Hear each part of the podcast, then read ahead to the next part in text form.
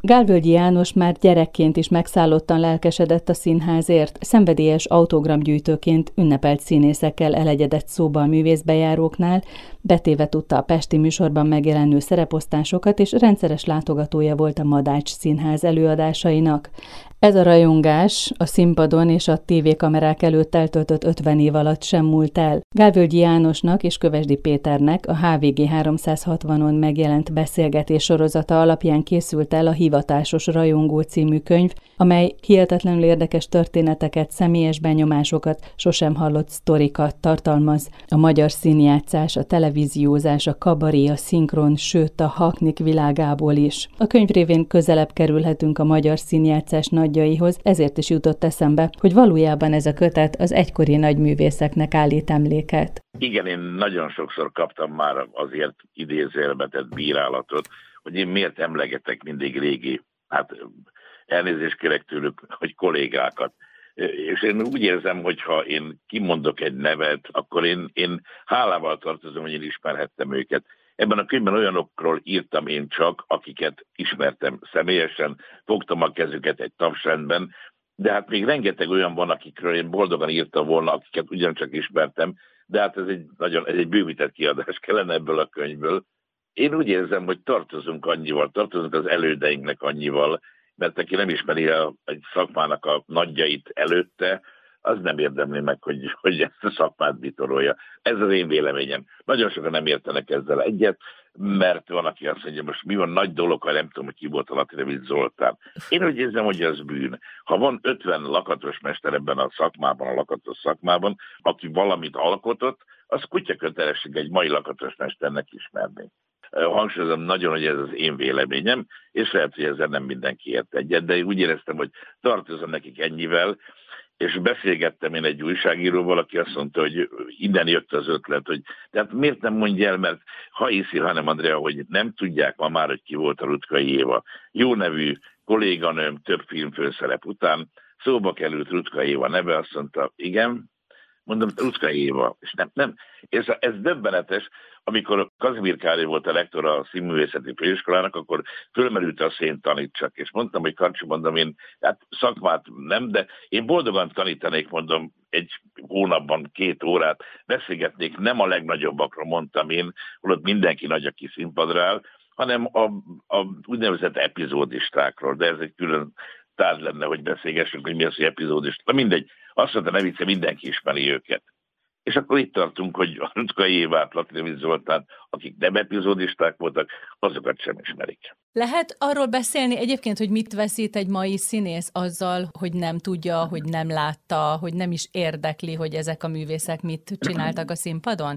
Tehát, hogy a szakmájából mi hiányzik? Az alapok, technikák, vagy mi? Én például mániákosan nézem, nem a reklámhelye, a YouTube-on nézek, hát akik fönn vannak, nem csak magyarokat, hanem külföldéket. És azt látom például, hogy ott is ez egy hogy mondjam, ez egy lopós szakma, és akkor nagyon kérem, hogy tegyen nagy idézélbe ezt, hogy lopós. Tehát egy gesztus valaki meglát valakitől, azt beépíti magába. Én nagyon sokaktól tanulhattam. Nekem a lábamban van körülbelül hat rátonyi lépés, akkor van egy gesztus a Márkustól, egy spétreakció a Körmenditől, de ez már én vagyok, ha az emberben van annyi tehetség, hogy magába bele tudja tenni, és nem egy utánzásról beszélünk. És én szerintem úgy értem ezt a lopós szakmát, hogy, hogy tanulni lehet az elődöktől egy születet, egy, egy hangsúlyt, egy, szóval annyi mindent, ha az embert érdekli. De van olyan tehetség, hogy megszüli magából, és aztán de azt látom, hogy a nagyok is valahonnan mindenki, valahonnan, valahonnan tanult és lopott. Én mindig a Chaplin-t hozom fel példának, ugye a Chaplin korában ezt olvastam, vagy igaz, vagy nem, de föltehetőleg igaz. Volt egy komikus, nem tudjuk a nevét már, akinek nagy cipője volt. Egy másiknak volt egy ilyen nátpálcája, azzal mászkált a színpadon. A harmadiknak volt egy ilyen Chaplin bajusza, negyiknek volt egy kemény kalapja. Ezt a Chaplin összelopkodta magára, és azt is csak ott áll Chaplin, Charlie Chaplin és akkor azt gondoltam, hogy akik nem Cseplinek, hanem, hanem kisebbek voltak a Cseplini, bár mondom, ez a kisebb, nagyobb, ez egy jó, egy szubjektív pálya ez a színészet, azokra gondoltam, hogy azokról is beszélnék. Az nagyon bánt engem a könyvben, hogy nem tudtam én rengeteg fényképet betenni, mert talán a könyvben benne van, de a színház, a Bajor Gizi Emlékmúzeum volt régen olyan, amiben én még részt vettem, amikor Gobbi Hilda csinálta éjszakákon keresztül, hogy oda beloptak képeket. Tehát, hogyha valakinek a papája nem volt a híres nagy színész, akkor oda ment, és valahol felszögezte a papa fényképét. Meg hát ha megnézi a temetőt, elmegy a temetőből, csupa színész király. nem láttam még valahol ki lett volna, hogy itt nyugszik a világ legrosszabb epizódistája, drága apám, hogy csak, csak színész királyok vannak. És szerintem mindenki színész király, hát most egy bizonyos tehetséget tételezzünk föl, aki színpadra lép amikor gyerek volt, és amikor tulajdonképpen így kezdődik a könyv, és elkezdte gyűjteni Igen. az autogramokat, milyen szempontok alapján választott, azon túl, hogy mondjuk aki kilép a művészbejárón a színházban? Volt a tudatlan korszak, amikor valóban aki kivőtt, bement a művészbejárón, azt tudtam, hogy miten művészbejáró, csak művészek mennek, mennek ki. Úgyhogy nem mindig tudtam természetesen, amikor még nem voltam, úgy nem láttam egy előadást. De amikor már láttam egy előadást, akkor kiválasztottam, kiválasztottam. Nem, ebben a szakmában az a gyönyörű, hogy nem lehet megmagyarázni. Nézek egy, ha bemegyünk egy, egy étterembe, és akkor ott ül bent mondjuk 20 ember, de abból a 20 emberből lesz három olyan ember, aki maga oda fog nagyon nézni, mert valamitől vonzal a tekintetet. Most a színpad is ilyen, hogy vannak tizen a színpadon, de ott van, azt nem tudom, miért nézem azt az egy embert, azt a másikat, és milyen kár, hogy ez most kiment az ajtón, de mikor fog visszajönni. Szóval, hogy az embernek a szeme, vagy nem tudom, milyen választja ki ezeket a dolgokat, és akkor, amikor már láttam egy előadást, akkor, hát én is akkor már olvastam meg minden, akkor megnéztem, hogy hogy hívják Zente Ferenc és akkor emlékeztem, hogy hogy nézett ki a színpadon, nem volt nagyon elmaszkírozva, mert régen még voltak maszkok, és akkor vártam, hogy mikor fogom azt a Zente Ferencet látni, azt a csodát, aki ott állt a színpadon, jött, ment, meggyilkolt valaki, vagy őt megölték a egérfogóban, vagy ne, a Agatha Christie darabban, a madárskamarában, és akkor, hát akkor közelről láttam őt. Édes Istenem, ájulásig voltam oda, hogy, hogy azzal a kezével, amivel ott a színpadon megfogta azt a poharat, hogy azzal most nekem ide beleír, és amíg ő írta a nevét, addig láttam az arcát, láttam a pólusait, láttam, hogy milyen szép ruhája van, most nem csak az entéről beszélek, hogy milyen gyűrű van rajta, olyan jó. És abban a korszakban, most a 60-as évekről beszélek, az egy szürkébb élet volt, és egy színész annak idején, hát ma már elképzelhetetlen lett volna képzelje, hogy az urai tivadar megy egy farmer gatyában szakadtan a körúton. Hát ment egy elegáns ember, azt mondták, ez biztos színészben olyan, olyan szép ember, meg olyan fehéri nyakkendő. Szóval ez egy más, más korszak volt, és a színészek azért másképp öltöztek. Nem azért gondolom meg gazdagabbak voltak, hanem mert valahogy más igényük volt arra, hogy megjelenjenek. Például amikor Benkő Gyula fiatal színész volt, leszerződött a Vix Színházba, Jobb Dániel féle Vix Színházba, és akkor bement a próbára, és kérdezte Jobb Dániel, hogy mondja Benkő maga, hogy jött ide be a színházba. Hát fölszálltam a villamosra, hogy Benkő Gyula, a Víg Színház tagja villamosra jött be. Nem, nem, nem, Benkő, figyelj rá, ez az egy öltönye van, igen. Na akkor szépen elmegy, megadta a Zabó címét, csináltat magának egy nyári öltönyt, egy télit, nem tudom, egy felöltőt, veszünk magának egy kocsit, ezt majd mind részletbe vonjuk le a fizetéséből, hát nem járhatnak a, egy Benkő Gyula a villamosról, hát az hogy kép? Szóval, hát ilyen becsülete volt a színháznak, meg a színészeknek annak idején. Hogyha még a rajongásról beszélünk, én újságíróként tapasztalom művészekkel beszélve, hogy lehet, hogy a mű az sokkal jobban tetszik. Tehát, hogy azt gondolom, hogy találkozás után, hogy fú, lehet, hogy jobb lett volna nem közelről megismerni. Ja, nem megismerni, igen. igen, igen. Volt igen, ilyen érzése gyerekkorában? Ez, és ez azért is érdekel, mert hogy ez olyan lendület, amiről ír a könyvben, vagy amiről beszélgetnek a könyvben, hogy ez egy ilyen kiapadhatatlan forrás volt ez a vágy, hogy minél több művész közelébe kerülni, de az visszavetheti, hogyha az embernek van egy kellemetlen élménye. Nem kell mondanom, hogy nagyon kellemetlen élményem nem volt, hát eh, hogy mondjam, gyerekes élményem volt, ezt valahol elmondtam már, hogy 14-15 éves lehettem, vagy 16, és akkor a Péter Frisánd utcai kórházban, mert én amatőr színjátszó voltam, kis központi művész együttes, és akkor kijelöltek, hogy november 7-én a Péter Sándor utcai kórházban a dolgozóknak a ünnepségén én konferálhatok. Ugye hát akkor elmondta a pártitkár a beszéd, bemondtam, Pixeltárs elmondja, akkor valaki zongorázott valami szomorút, és aztán utána bemondhattam, hogy Básti Lajos a Nemzeti Színház művésze fog önöknek szavalni. Hát, hát én ettől már napokig izgalomba voltam. És akkor hát megérkezett Básti Lajos, hát én csendben elájultam, de hát ezért kórházban voltunk, tehát igen, és akkor megjött a básteles, és néztem az öltönyét, mellényes öltöny, gyönyörű egy gyönyörű arca, a hangja. Azt mondta, kis öreg, hozzá nekem egy kávét. És akkor hát én rohantam kávét a büfébe, csak kell, kell egy kávét bástémészre, én fogom odavinni, és akkor mondták, nem három, nem akarok hazudni, most nem, tényleg nem emlékszem, három hatom, vagy nem tudom, valami ennyi volt a dupla, és az zseppénzemből ezt kifizettem, és akkor vittem remegő a Básti művészúrnak, letettem a kávét, és akkor úgy álltam, gondoltam, hogy hát ez a zseppénzemből, amit én hetente kaptam, azt hiszem 10 forintot, ugye abból meg kellett nekem venni a filmszínáz muzsikát, és vártam, hogy, hogy ő kifizeti majd nekem akár, és nem fizette ki. Na ez volt az életem egyik nagy csalódás abban a koromban, de különben nem, nem volt nekem olyan nagy, nagy.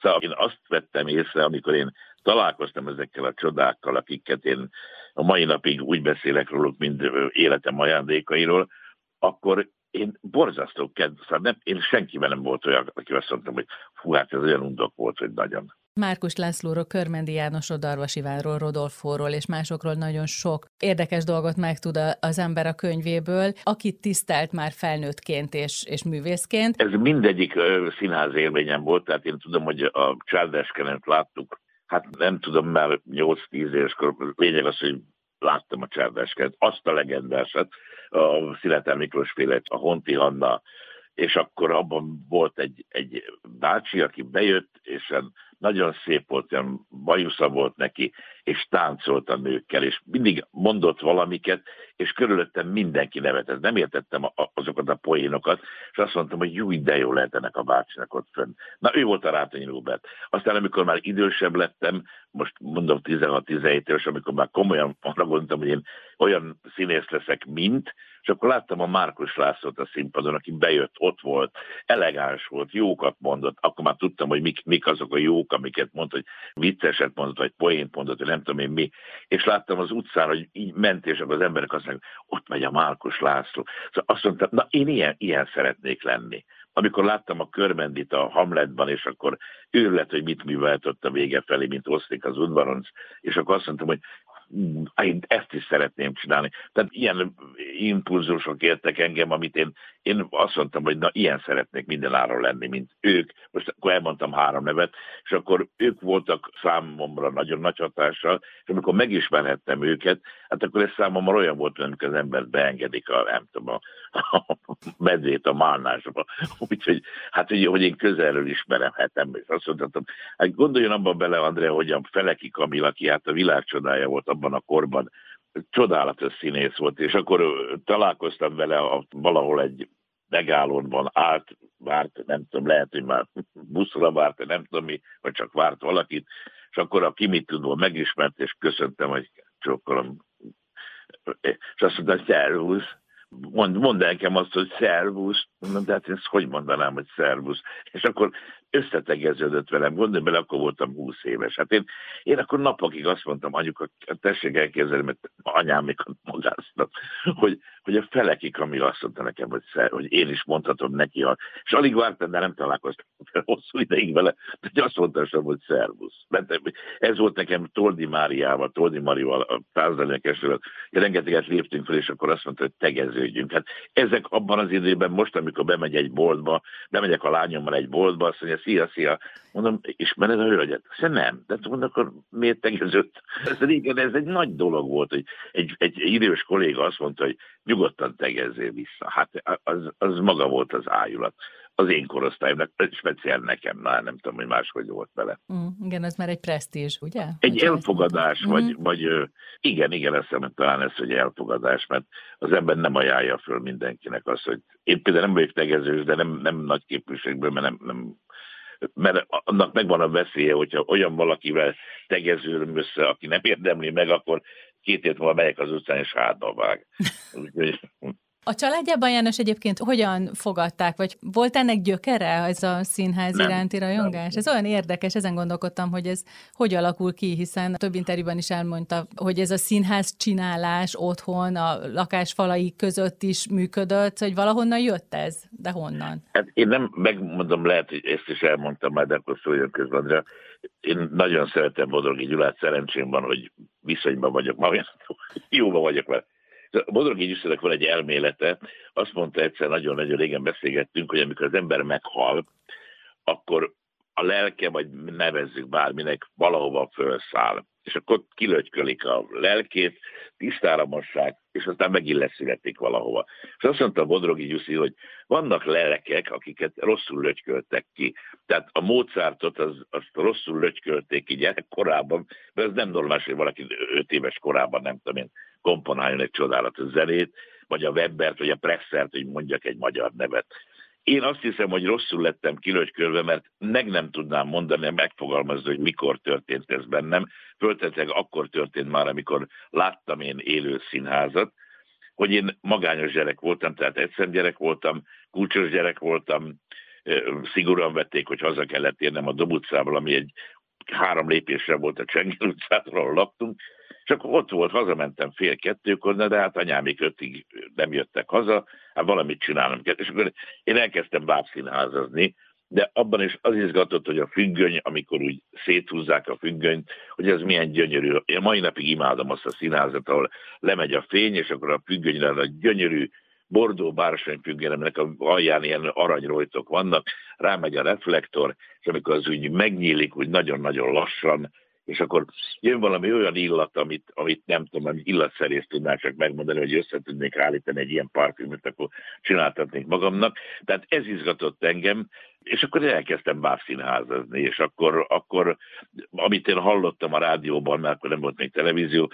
szombat este volt rádiókabaré, vagy hallottam egy regényfelolvasást, akkor én elővettem, akkor csináltam magamnak ilyen papírdobozból egy magnetofon, tehát magnetofonunk nem volt, írógépszalag volt a két tekes, mert láttam, hogy egy magnum van olyan, és akkor én délután azt játszottam, hogy én például rádió bemondó vagyok, és akkor volt mit tudom, otthon újság, évszabadság, tudom, akármilyen újság, és én felolvastam. És azt mondtam, akkor most pedig irodalmi műsoron következik, és hogy hallottam a rádióban, mert ott azért szebben beszéltek az emberek, mint az utcán, és akkor én ilyeneket játszottam, de azt játszottam például, hogy nekem volt egy kis szobám, két szobás lakásunk volt, Csenger utcában, hogy most bemegyek, az a stúdió lesz, ahol én most be fogok menni, az egy szobám volt, ott van a magnetofon, mondom, húha, húha, mindjárt kezdődik a felvételem. Szóval én, én, én ilyen, akkor még elmorvas nem látott engem, de, de azért mondom, ezt nem tudom, hogy honnan hoztam, fogalmam nincs. Másik alap dolog volt, hogy apukám énekelt a Vasas kórusban, ami egy nagy létszámú kórus volt, és gyerekfejjel arra emlékszem, hogy a, a Zeneakadémián volt valami Kodály évforduló, Kodály halálának, nem tudom, a Kodályra nem emlékszem, mert nem akartam lenni Kodály, és akkor jött a apám jött, és akkor bevonultak. És akkor mire megtaláltam apámat ott a színpadon, a hatodik sorban, balról 48 volt, de már mire megtaláltam, már vonultak, és nem elénekelték a felszállott apámat. És akkor azt tudtam, hogy én, én azt nem akarok olyat lenni, hogy, hogy ott rengeteg ember között keresgéljenek engem, hanem én egyedül akarok ott állni, vagy ha többen vagyunk, de akkor is én nagyon legyek ott. Tehát ez is egy fura dolog, és hogy elrakódott bennem a agyam hátsó részébe, ami aztán később nekem hát bejött, hogy nem akartam statisztálni, meg olyan az az berendezésem, hogy meg is óvott engem a, a képem attól, hogy én nagyon statisztáljak. Azt olvasom a könyvében, hogy híresnek lenni, szem előtt lenni, ez egy fontos szempont volt, vagy egy fontos vágy volt. Más kérdés, hogy az azzal járó terheket mondjuk hogyan viselte aztán. Én, én, én, én, ez volt az én gondolatom, hogy, hogy én legyek. De a legfurcsább az, és hát egy év után elmondom, hogy, hogy én egy borzasztó személy, szóval én Andrea, hogyha most lennénk mondjuk nem kettesben, és nem így, hanem egy társaságban lennénk négyen, öten, és azt mondaná, hogy János, elmondanál valamit, vagy én, én abban bele, a mai napig pedig, hát most már 53 éve vagyok a pályán, én, én borzasztóan szégyelem magam, én, én engem megróttak ezért, mert én nagyon rosszul próbálok a mai napig, mert én, én azt nagyon röstelem, hogy én tehetségtelen vagyok délelőttönként. Remélem, hogy este nem, hát este nem lehetek tehetségtelen, mert ennyi protekció nem lehetett ennyi év után, hogy még mindig vagyok. De délelőtt röstelem, hogy azt kell mondanom, hogy szeretlek, fáj a gyomrom, és ezt én elmondtam már, nem tudom hány, le kell ülnem egy székre, és rosszul ülök le. Szóval, hogy a próba pedig arra jó, állítólag mondják sokan, akik imádnak valók. Én játszani. Én azt szeretem, hogyha egy szerep, az az enyém, és én abban már mindent megcsinálok, de csak úgy, hogy este, ha sokan néznek. Ha egy ember néz, én abban belepusztulok. Hát én, én tudom, hát volt régebben, és ilyen leültek négyen, öten főpróbát nézni, és azt, én nem. Én azt szeretem, ha a, ha nagyon sokan néznek, és nagyon sok embernek tetszik az, amit csinálok. Amúgy egy borzasztó gátlásos és szemérmes pali vagyok. Milyen érdekes ez?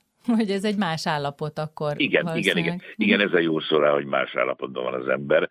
De nekem, én mindig azt mondom, hogy nekem olyan hatalmam van, ami nem tud elképzelni egy király, egy miniszterelnök, hogy nekem milyen hatalmam van héttől fél tízig, mert ott én már azt csinálok, amit akarok, és most legyek nagyképű, a közönséggel is azt csinálok, amit akarok. De nekem fél tízkor ott véget ér, és hét előtt meg erről szó nincs. Tehát én, én nem vagyok nappali színész, én büfében nem járok, én, én nekem az bőven elég, hogy héttől fél tízig enyém minden, minden az enyém. Hogyha a szórakoztatást és a drámai színészetet összevetjük, ezen gondolkodtam, hogy az ilyen szívbéli kérdése, hogy mit szeretek játszani, hogy most Shakespeare-t akarok már játszani. Nem, hát ez, de nem rajtunk múlik, hogy mondjam, hát én most hiába akarnék bármit játszani, hát ennek van egy fokozatát. Kell egy rendező, aki bennem meglátja a Shakespeare-t, meglátja bennem.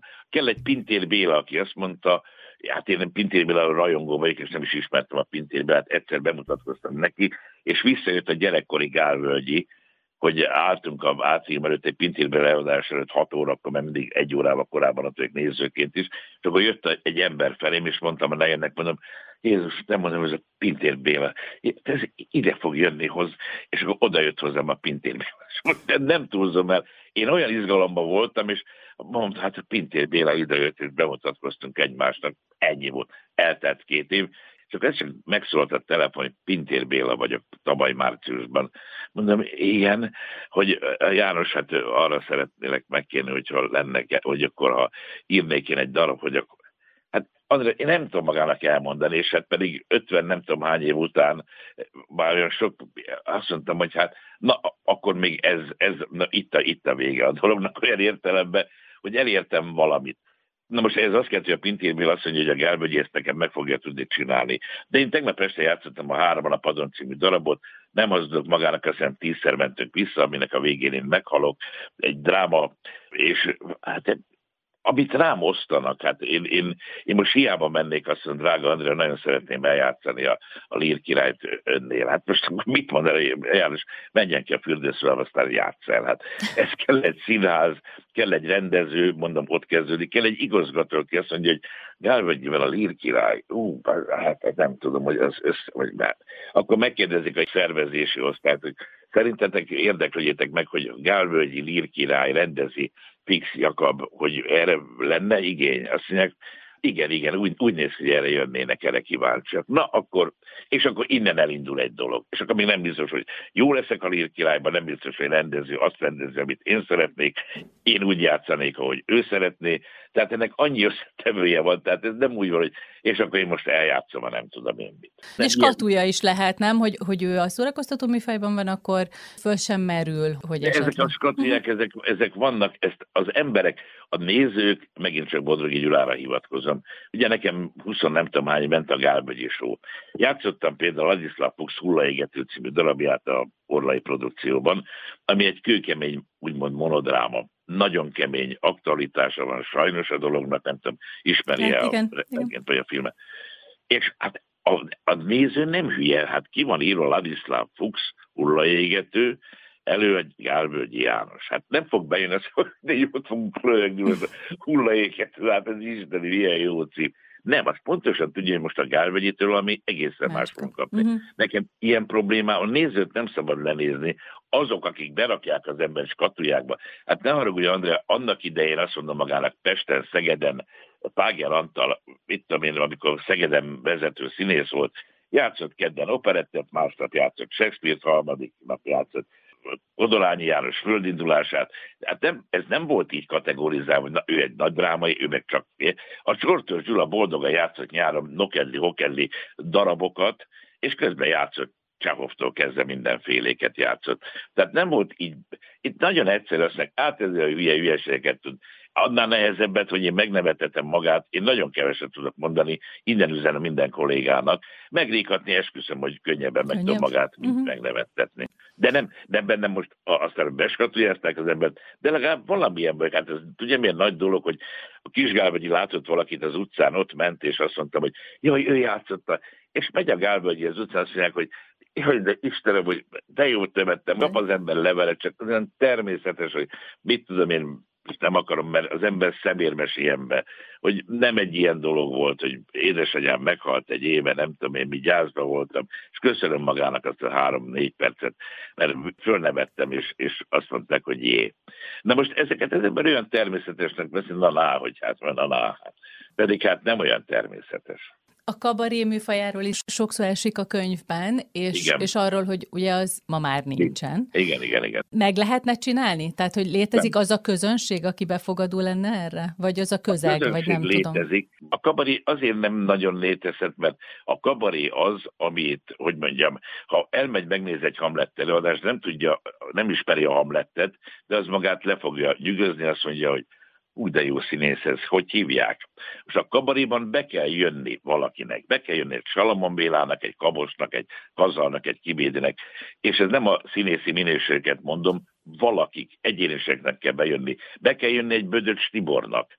És még annyian bejöttek a Bödöcs Tibor mellé, hát mondjam még három nevet pedig hát tele van velük minden a stand meg nem tudom mi, és van a Bödöcs Tibor. Uh-huh. Direkt tettem ki a névelőt, a de amikor azt mondták, nyüglöttek, még a vidám színpadottan haldoklott éppen, hogy ja Istenem, pedig hát itt vagyunk, mi mondta, nem tudom kicsoda, X és Y, akik ott ragadtak a vidám színpadon, és nem, abszolút nem voltak érdekesek. Ők úgy voltak ott, hogy a Kabos mellett, vagy a Kibédi mellett, vagy a Kazal mellett, vagy a Salamon Béla mellett, de önmagában, és nem akarom megbántani eh, valakinek a nevét, aki a Salamon Bélának az untermanja volt, ha a Salamon Bélát kiveszi abból a jelenetből, amiben ő benne van, akkor ő már abszolút nem volt érdekes, hogy most nagy dolog, hogy ott van és mond bármit. Szóval uh-huh. A kabarén ez a műfaj, a könnyű műfaj, oda egyéniségek kellenek, oda valaki kellenek. Drámában meg lehet csinálni az embernek magát, a kabaréban is, de hát a Bödöcs Tibor megcsinálta magát, hogy ő lett a Bödöcs, van a Hofi, van a Kellér, a Darva Szilárd, Szóval ez, ez szerintem nem megy.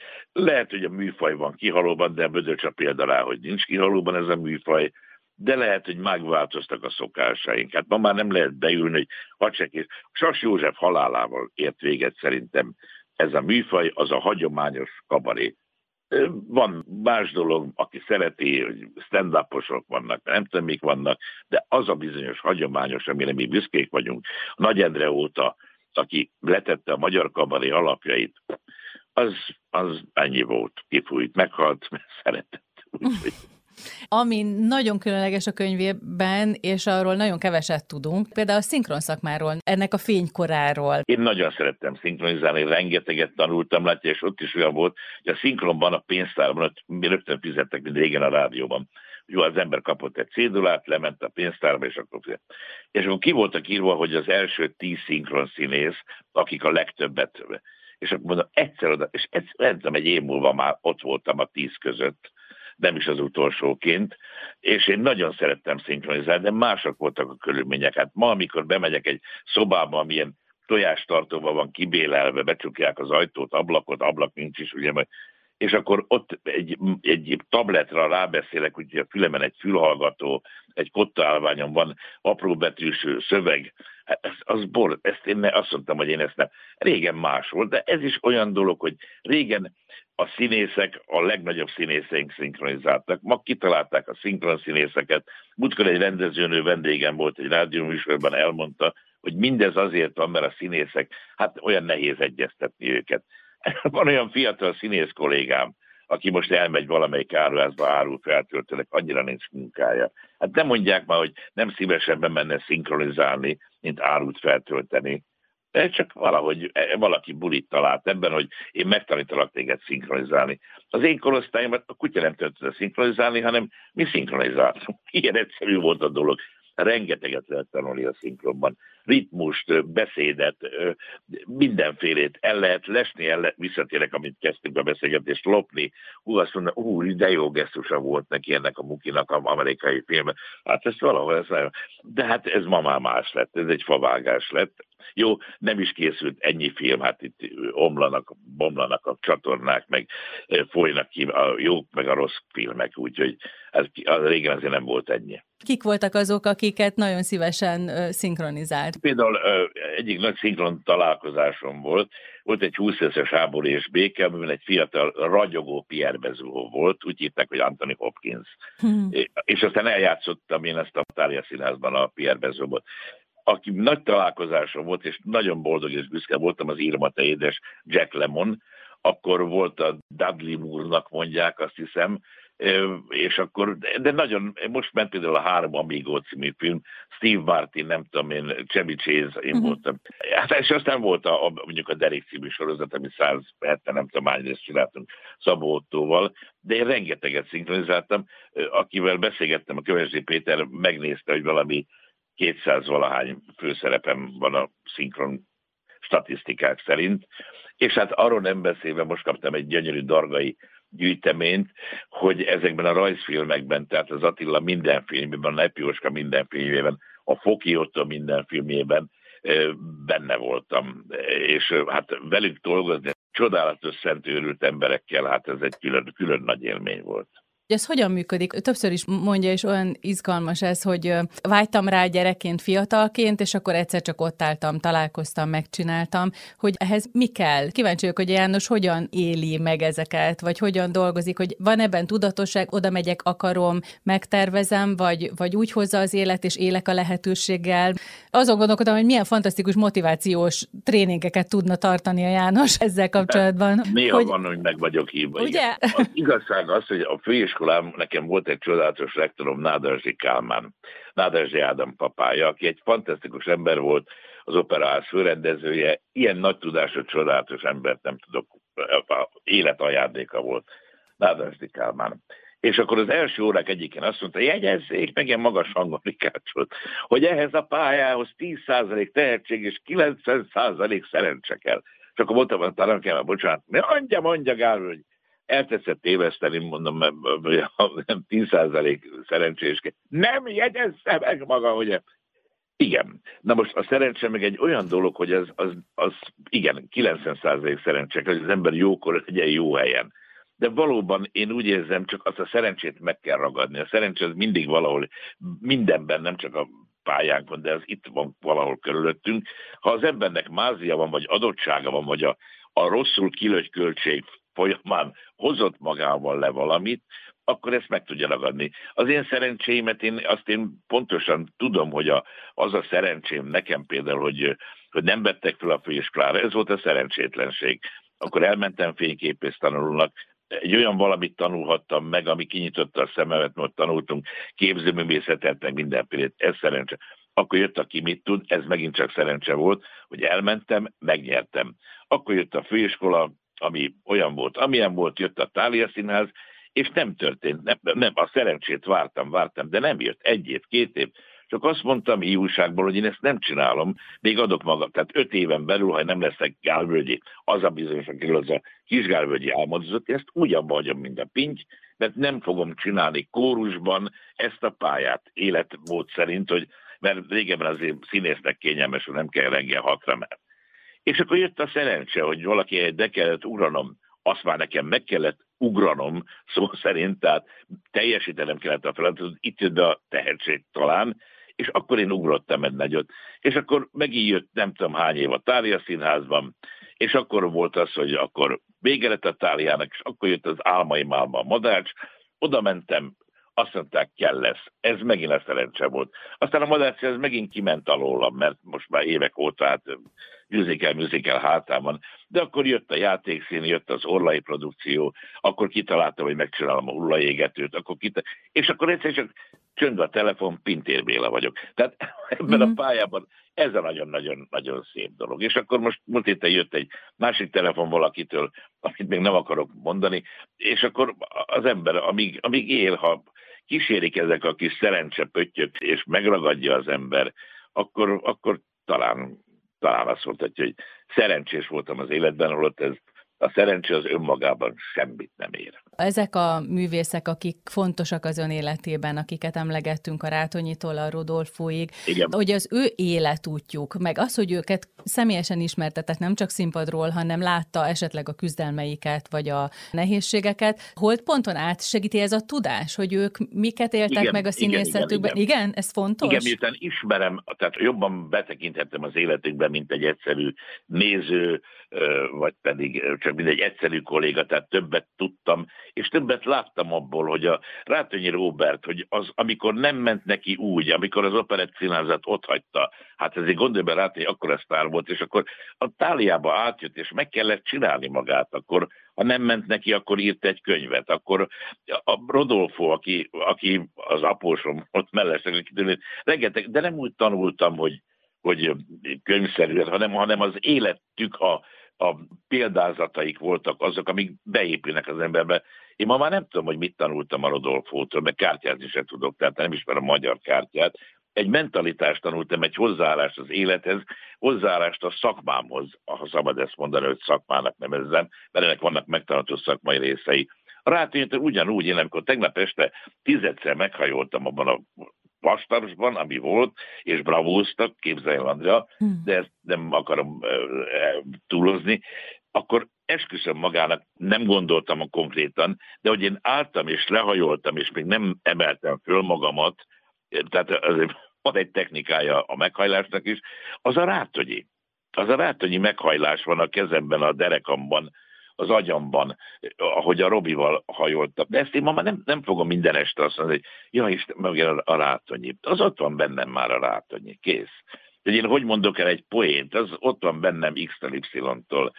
És sose volt olyan, hogy mondjuk már egy kicsit unom ezt, vagy kéne egy újabb kihívás, vagy milyen jó lenne, ha változna? Dehogy nem, de, dehogy nem. És hogy hogy az ő pályájukban is biztos volt olyan, amikor Hát hogy ne gondolj bele, hogy a Látványit megkérdeztem például annak idén, azt a bizonyos sádáskenet, amit már említettem, 800-szor, tehát 800-szor játszották.